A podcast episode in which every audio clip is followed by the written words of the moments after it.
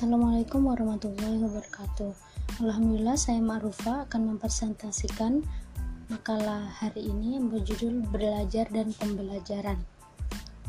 Jadi dalam makalah ini terdapat uh, dua pokok bahasan yakni mengenai belajar dan pembelajaran di mana belajar di sini terdiri dari tiga bahasan yaitu pengertian belajar, prinsip belajar, dan teori belajar dan yang kedua pembelajaran ini memiliki pokok bahasan yakni pengertian pembelajaran dan mode pembelajaran yang pertama adalah belajar belajar di sini menurut Puji adalah suatu proses usaha seseorang untuk memperoleh suatu perubahan tingkah laku sebagai hasil pengalamannya dalam berinteraksi dengan lingkungan.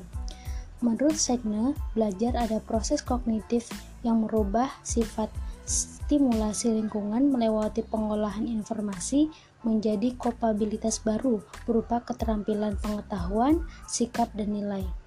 Dan menurut Clifford, belajar adalah perubahan tingkah laku yang relatif tetap yang merupakan hasil pengalaman yang lalu.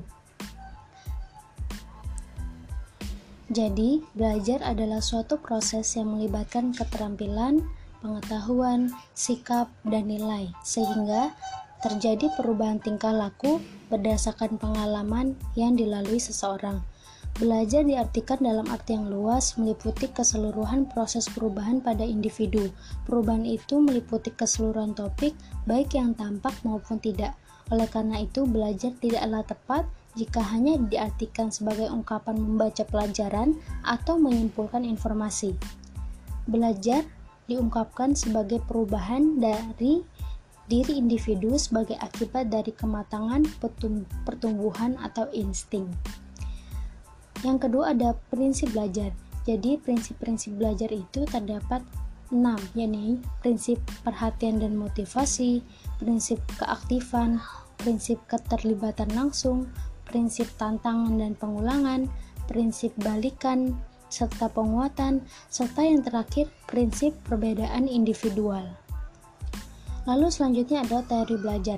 Dalam makalah ini saya memfokuskan empat teori belajar, yaitu teori behavioristik, teori kognitivistik, teori humanistik, dan teori konstruktivistik. Teori behavioristik adalah berpandangan bahwa belajar itu sebagai perubahan dalam tingkah laku sebagai akibat dari interaksi antara stimulus atau rangsangan dan respon atau perilaku reaktif.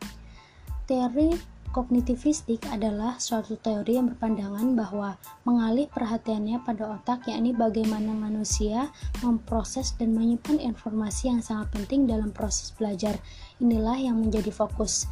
Lalu teori humanistik adalah um, berpandangan bahwa belajar ini menekankan pada isi dan proses yang berorientasi pada peserta didik sebagai subjek belajar. Dan teori konstruktivistik berpandangan bahwa belajar pada hakikatnya adalah aktivitas mental atau psikis yang berlangsung dalam interaksi aktif dengan lingkungan yang menghasilkan perubahan dalam aspek pengetahuan, pemahaman, keterampilan, nilai, serta sikap. Selanjutnya adalah pembelajaran.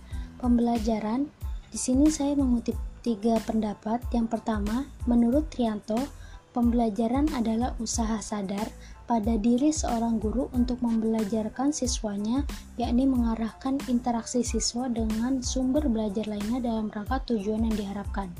Menurut Selamat dalam bukunya, pembelajaran merupakan pemberdayaan peserta didik yang dilakukan melalui interaksi perilaku pengajar dan perilaku peserta didik baik di ruang maupun di luar kelas. Yang ketiga, menurut Umar Hamalik, Pembelajaran adalah sebagai suatu kombinasi yang tersusun meliputi unsur-unsur manusiawi, material, fasilitas, perlengkapan, dan prosedur yang saling mempengaruhi untuk mencapai tujuan pembelajaran. Jadi, dapat disimpulkan bahwa pembelajaran adalah suatu proses usaha yang dilakukan dengan melakukan interaksi antar pendidik dan peserta didik dengan menggunakan perlengkapan dan fasilitas yang digunakan dalam rangka proses belajar mengajar agar tujuan yang telah direncanakan dapat tercapai. Kegiatan pembelajaran ini diarahkan untuk memberdayakan semua potensi siswa menjadi kompetensi yang diharapkan untuk mengembangkan potensi menjadi kemampuan yang semakin lama semakin meningkat dalam sikapnya, pengetahuan, dan keterampilan yang diperlukan dirinya untuk hidup dan bermasyarakat, berbangsa, serta berkontribusi pada kesejahteraan hidup umat manusia. Selanjutnya adalah mode pembelajaran. Mode pembelajaran adalah suatu perencanaan atau pola yang digunakan sebagai pedoman dalam merencanakan pembelajaran di kelas yang mengacu pada pendekatan pembelajaran yang akan digunakan, termasuk di dalamnya tujuan pengajaran, tahap dalam kegiatan pembelajaran, lingkungan pembelajaran, dan pengelolaan kelas yang berfungsi sebagai pedoman, perancangan, dan pelaksanaan pembelajaran. Terdapat beberapa mode-mode pembelajaran. Di sini saya menyebutkan 8 mode pembelajaran. Yang pertama adalah model pembelajaran jigsaw, model pembelajaran role playing, model pembelajaran problem solving, model pembelajaran team games treatment, model pembelajaran picture and picture, mode pembelajaran kontekstual teaching and learning, mode pembelajaran discovery learning, dan mode pembelajaran project based learning. Yang pertama yakni mode pembelajaran jigsaw, yakni sebuah model di mana siswa ini dikelompokkan ke dalam kelompok berjumlah 4 atau 6 orang yang bertanggung jawab terhadap tugas yang diberikan oleh guru. Kemudian setelah itu, setelah masing-masing kelompok itu bertanggung jawab uh, terhadap subtopik yang sama, dibentuk lagi kelompok atau tim ahli yang akan mengajarkan informasi penting kepada temannya. Yang kedua ada mode pembelajaran role playing.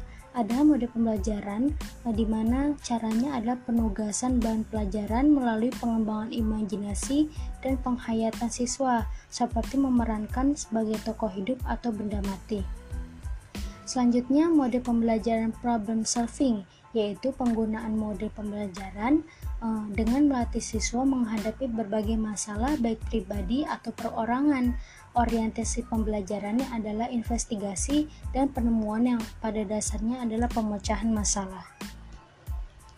Selanjutnya adalah mode pembelajaran tim games turnamen, yaitu tipe mode pembelajaran kooperatif yang mudah diterapkan yang melibatkan aktivitas seluruh siswa tanpa harus ada perbedaan status yakni melibatkan peran siswa sebagai tutor sebaya dan mengandung unsur permainan unsur permainan dan games Lalu selanjutnya mode pembelajaran picture and picture yaitu menggunakan media pembelajaran berupa gambar dan menekankan pada proses dan cara mereka berpikir dalam mengurutkan gambar yang tersedia.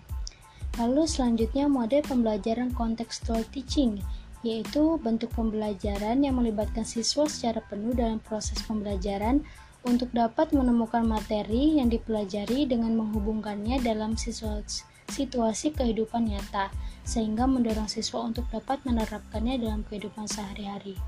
Lalu mode pembelajaran penemuan atau discovery learning, yaitu mode pembelajaran yang berdasarkan pada proses penemuan, refleksi berpikir, eh, eksperimen, dan eksplorasi. Lalu selanjutnya mode pembelajaran berbasis proyek, yaitu mode pembelajaran yang berpusat pada peserta didik dan memberikan pengalaman belajar yang bermakna bagi peserta didik. Pengalaman belajar ini maupun konsepnya dibangun berdasarkan produk yang dihasilkan pada proses pembelajaran berbasis proyek. Itulah yang dapat saya sampaikan dalam makalah ini. Jadi kesimpulannya adalah sebagai calon pendidik maupun peserta maupun yang sudah menjadi pendidik sendiri diharapkan mengetahui seperti apa hakikat dari belajar dan pembelajaran sehingga diharapkan mampu mendesain pembelajaran yang tepat kepada peserta didik dan tujuan pembelajaran pun dapat tercapai. Pemilihan desain pembelajaran harus mengacu pada aspek seperti apakah belajar, prinsip belajar, dan teori belajar yang ada sehingga dapat mendesain mode pembelajaran yang dirasa tepat diimplementasikan kepada peserta didik.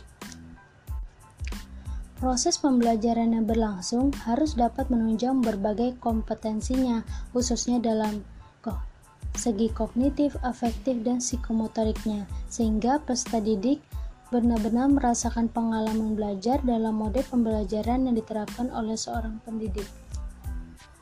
Itulah yang dapat saya, saya sampaikan. Kurang lebihnya mohon maaf. Wassalamualaikum warahmatullahi wabarakatuh.